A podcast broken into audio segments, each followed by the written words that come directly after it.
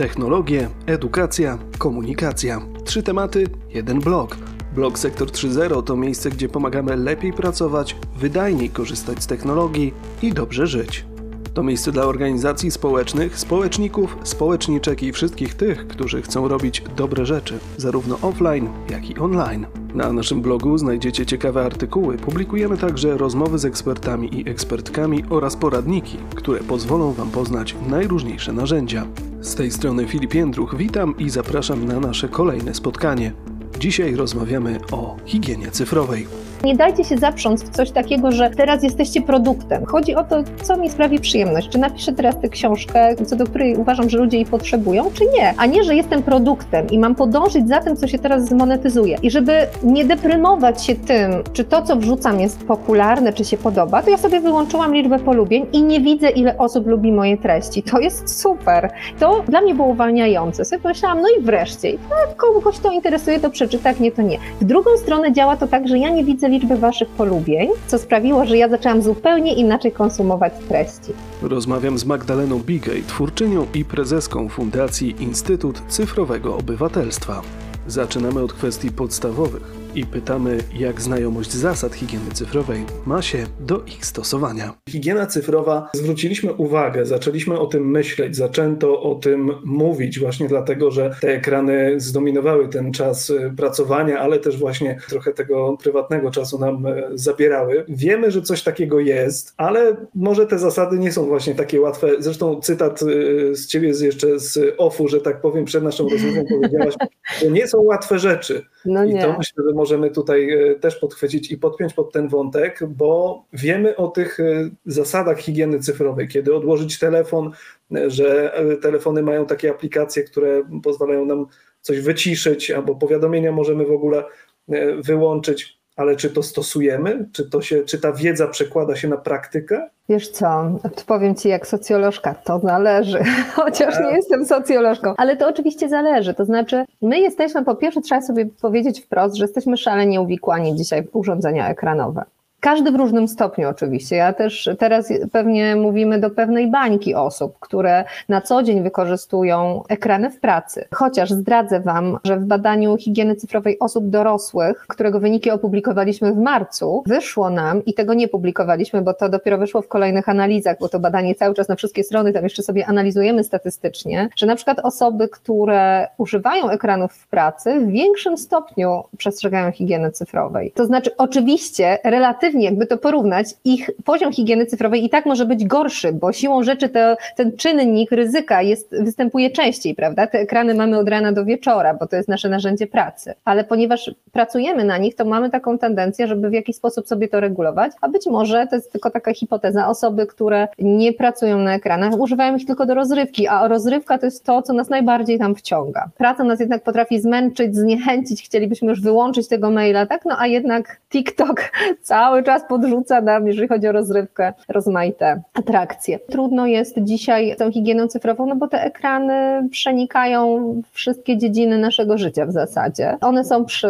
przy nas cały czas, ale ja wierzę, że to jest kwestia świadomości, że to jest tak jak z cukrem. Zawsze to, to przywołuję to porównanie, że po czasie, po wojnie, w czasie biedy, no to oczywiście, kiedy kraj się odbudowywał, to tam nikomu nie było w głowie myśleć o tym, ile cukru to zdrowo, ile nie. Cukier krzepił prawda? E, no ale z czasem, e, kiedy osiągnęliśmy pewien poziom rozwoju społecznego znowu, to już byliśmy na etapie, kiedy mogliśmy zadawać sobie pytania właśnie dotyczące na przykład zdrowego odżywiania. I dzisiaj wiemy, że cukru w tej diecie nie może być za dużo, że on jest potrzebny, owszem, nie chodzi o to, żeby go w ogóle nie było, no ale że na e, kolację to jednak nie pączek, prawda? Tylko jak, jakiś inny posiłek. I teraz zobacz, różne rzeczy z tą wiedzą robimy. Wiemy, jak mniej więcej wygląda zdrowa dieta. Czy ją stosujemy, to jest inny temat, ale w naszej świadomości to funkcjonuje i jakoś tam staramy sobie to regulować. I z higieną cyfrową jest podobnie. To zależy od indywidualnej świadomości jednostki. Czy mamy świadomość, jak to na mnie wpływa, a potem co z tym robię, z tym, że to tak na mnie wpływa. Być może to tak zostawiam. Na przykład mam świadomość, że nie wiem, to rujnuje moje relacje z bliskimi, lub może nie rujnuje, to jest duże słowo, ale, ale w jakiś sposób wyrządza im szkody, ale nic z tym nie robię, bo jednak podoba mi się to. Podoba mi się to, że spędzam godziny na Instagramie kosztem nawet takiej zwykłej obecności z drugą osobą. Z tą higieną cyfrową jest też problem, dlatego że wiesz, nastąpiło jakieś takie pomieszanie sfer życia, głównie przez pandemię. Przed pandemią e, w Komitecie Dialogu Społecznego, w którym działam od wielu lat, robiliśmy takie badanie, jego wyników nie zdążyliśmy opublikować, bo przyszła pandemia i wszystko pokomplikowała, ale pytaliśmy tam o takie benefity, czy też jakieś profity w pracy, które są ważne. Pracownicy, pracowniczki mówili, że to jest na przykład praca zdalna. No jestem ciekawa, jak dzisiaj się zapatrują ludzie na tą pracę zdalną. Mam nadzieję, że będziemy mogli powtórzyć to badanie i zestawić te wyniki, bo myślę, że wielu z nas na słowo praca zdalna jest chora. Oczywiście jak ktoś, być może to też jest kwestia tego, czy mamy w domu dzieci, czy nie. Osoby z dziećmi to chętnie chodzą do pracy, jak to mówi mój kolega, to jest dla niego dom pracy twórczej, biuro, kiedy dziecko mu nie przeszkadza w pracy. Więc to pomieszanie też nas zmęczyło i ono z nami zostało. Trudno się odzwyczaić od odbierania maili w domu, bo ta praca jest cały czas w kieszeni. Dawniej, ja pamiętam jak pracowałam w mediach i odbijało się kartę na zakładzie, cytując Adasia Miałczyńskiego i był spokój, bo łączenie się tokenem było tak trudne, że już się odechciewało. To trwało z 15 minut, już człowiek myślał, dobra, jutro sprawdzę tego maila. A dzisiaj to jest przy nas i to jest coś, co ja nazywam pułapką naleśnika. Wiesz, jak smażysz sobie naleśniki i to stoisz w tej kuchni, dzieci chodzą po domu, no bo mama robi coś do jedzenia, nie przeszkadzają ci. I taki naleśnik smaży się tak mniej więcej dwie minuty na jednej stronie. Ile można zrobić w internecie? W dwie minuty można zrobić zakupy, zapłacić przelew, albo zerknąć na tego maila, tylko na chwilę zawsze będzie jeden mail do przodu. Zerkasz na maila, a tam jest jakaś inba, bo ktoś oczekuje wyjaśnień natychmiast, ty wchodzisz nagle w to, no bo już to przeczytałeś, twój mózg już w tym siedzi i efekt cajgarnik ci nie daruje. On to jest taki efekt, który polega na tym, że nasz mózg uwielbia kończyć rzeczy. Jak mózg zobaczył, że tam jest coś, to teraz nie ma już uprość. To zobaczyłeś maila od szefa, koniec z tobą, nie? Do rana będziesz się mordował, więc prawdopodobnie odpiszesz od razu. No i przy tym naleśniku odpisujesz i nagle podchodzi do ciebie bliska osoba. I gdzie ty teraz jesteś? Jesteś w pracy czy w domu? Bo ja wielokrotnie miałam taką bardzo niefajną sytuację. Miałam potem kaca moralnego, że wiesz, podchodziło dziecko, ja przy tym naleśniku rzeczonym, zupie czy cokolwiek to było. I ja byłam niemiła, nie? Dla tego dziecka, bo mówiłam zaraz, zaraz, tak? Muszę coś skończyć. Mama pisze coś do pracy. A dziecko, gdyby nie było dzieckiem, powinno powiedzieć, ej stara, jakie do pracy, nie? Jest dziewiętnasta stoisz przy kuchni, przy naleśnikach, zajmij się, zajmij się teraz życiem prywatnym. Pomieszało nam się to. I to jest strasznie trudne do wyregulowania, bo żyjemy w takich czasach, kiedy mamy taki imperatyw jak w Alicji po drugiej stronie lustra, że trzeba biec ile sił, żeby być w tym samym miejscu. Tak sobie myślałam o tym ostatnio, że gdybyśmy naszym babkom, dziadkom powiedzieli, że będą takie narzędzia przyspieszające pracę, to jestem przekonana, że oni by pomyśleli, ale super, będą mieli dużo wolnego. No, a my nie mamy dużo wolnego. My sobie dowalamy wtedy jeszcze więcej. Za mną ciągle chodzi to pytanie, które mi zadałeś na um, festiwalu. Jak kończyć kursy online? Mhm. No nie robić ich. No. po prostu wiesz, w takim sensie, że my ciągle sobie coś chcemy dorzucić. Wszystko w internecie ci mówi, że możesz po, po, nauczyć się nowego języka, zrobić kurs tego, owego, rozwinąć swoje kompetencje. To jest strasznie wikłające dzisiaj. My jako biomasa dla właśnie aplikacji, dla tego, z czego my korzystamy. Jeśli coś jest za darmo, to często my jesteśmy produktem i myślę, że tak. e, ta genialność, ale też i podstęp Facebooka polega na tym, że my traktowaliśmy to i niektórzy nadal tak traktują, jako swój wirtualny pamiętnik, taki, mm -hmm. taką książkę, tak, tablicę tak. ogłoszeń, urodziło się dziecko, jesteśmy zaręczeni, zjedliśmy to, a tymczasem jest to po prostu baza danych dla reklamodawców. Także ta świadomość e, dla mnie bardzo dużo e, zdziałała i -hmm. przestałem publikować. Zablokowałem feed na Facebooku i nie tracę absolutnie nic. Nie mam takiego poczucia, że coś mnie omija, po prostu te wszystkie informacje nadal tam są, tylko ja ich nie widzę. I to, co biorę jeszcze bardzo mocno z tego, o czym mówiłaś, to takie zdanie: zawsze jeden mail do przodu, bo to jest coś, na co cierpię na pewno i ta skrzynka zawsze jest w zasięgu palca, zawsze jeden mail do przodu, a praca nigdy się przecież nie skończy. Nie skończy.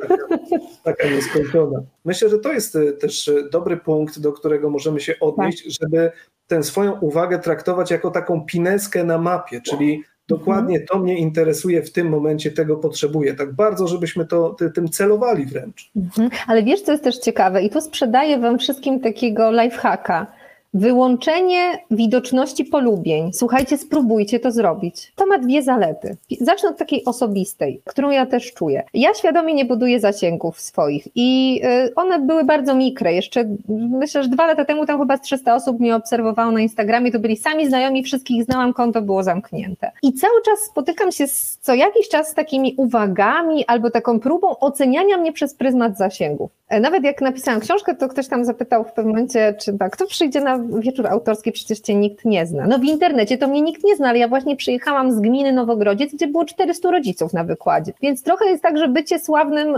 w internecie jest jak bycie bogatym w Monopoli, że oczywiście czasami te zasięgi pokrywają się z wartością, ale czasami w ogóle się nie pokrywają. E, mamy tam masę takich ekspertów, ekspertek wydmuszek, które mają imponujące, imponujące profile, ale jakby tam się przebić przez tą skorupkę, to w środku nie ma działania. I jeśli kogoś to dotyczy, kto nas słucha, walczcie z tym, z takim próbą wrzucenia was w takie coś, że musicie budować zasięgi, musicie relacjonować swoją pracę. Jak was to kręci, macie na to ochotę, ja dzisiaj tam wrzuciłam o karcie praw dziecka, coś, to jest okej, okay, ale nie dajcie się zaprząc w taką, po prostu w coś takiego, że teraz jesteście produktem. Ja pamiętam jak rozmowę o, o drugiej książce po wychowaniu przy ekranie i znajomy, który mi powiedział, no wiesz, musisz się zastanowić, za kogo ty chcesz być uważana, co będzie twoją specjalizacją. Sobie pomyślałam, w ogóle mnie to nie obchodzi, chodzi o to, co mi sprawi przyjemność, czy napiszę teraz tę książkę, co do której uważam, że ludzie jej potrzebują, czy nie, a nie, że jestem produktem i mam podążyć za tym, co się teraz zmonetyzuje. I żeby nie deprymować się tym, że czy to, co wrzucam, jest popularne, czy się podoba, to ja sobie wyłączyłam liczbę polubień i nie widzę, ile osób lubi moje treści. To jest super. Nie, wyświetla mi się czasami, to jest tak, że wtedy widzisz, kto polubił, to znaczy masz tam jakieś tam powiadomienie, jak wejdziesz do aplikacji, tak, że na przykład Filip polubił twój post, ale nie widzisz, że łącznie to jest 50 osób albo 5. I jednocześnie inni też tego nie widzą. I to dla mnie było uwalniające. Sobie pomyślałam, no i wreszcie, i to jak kogoś to interesuje, to przeczyta, jak nie, to nie. W drugą stronę działa to tak, że ja nie widzę liczby waszych polubień co sprawiło, że ja zaczęłam zupełnie inaczej konsumować treści. Bo mózg nasz, jako maszyna, stworzony jest tak, żeby oszczędzać energię. On, a myślenie spala kalorie. Słuchajcie, nie wiem, czy wiecie, u dzieci 50% dziennego zapotrzebowania kalorycznego idzie na pracę mózgu, u nas około od 20 do 30%, całkiem sporo, nie? W związku z tym mózg e, chce tych kalorii jak najmniej zużyć, no bo jemu zostało takie wspomnienie głodu, który człowiek cierpiał przez większą część historii ludzkości. Głód lub taki niedobór niedobór, niepewność pożywienia, więc mózg sobie różne takie drogi na skróty w myśleniu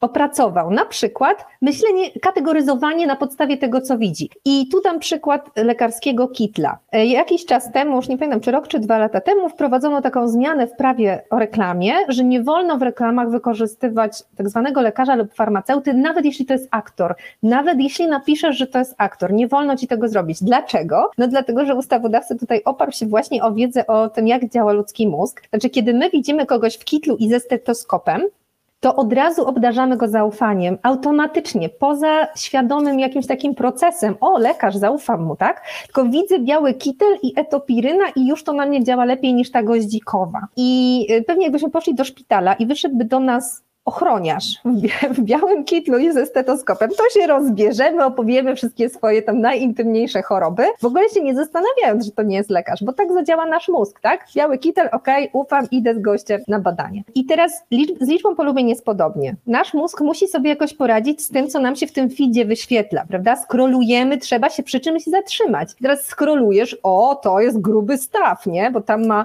2000 polubień, to musi być coś ważnego. Jedziesz dalej, 5 polubień, e, to pewnie nic ciekawego. I możesz mieć tendencję do pomijania tych treści. Więc ym, taki sposób właśnie na ukrycie liczby polubień i Facebook i Instagram dają taką możliwość. Jest bardzo ciekawym eksperymentem. Spróbujcie sobie to zrobić i obserwujcie, czy zmieniła się właśnie wasza konsumpcja y, tych treści, bo to jest też, y, też wartościowe. A jeśli chodzi jeszcze może o tę pracę i o higienę cyfrową, czy przykłady powinny iść z góry, czy to powinno być też jakimś takim standardem? Bo pracodawca może wymagać, dla niego może być to bardzo, bardzo na rękę, jeśli my jesteśmy cały czas mhm. dostępni.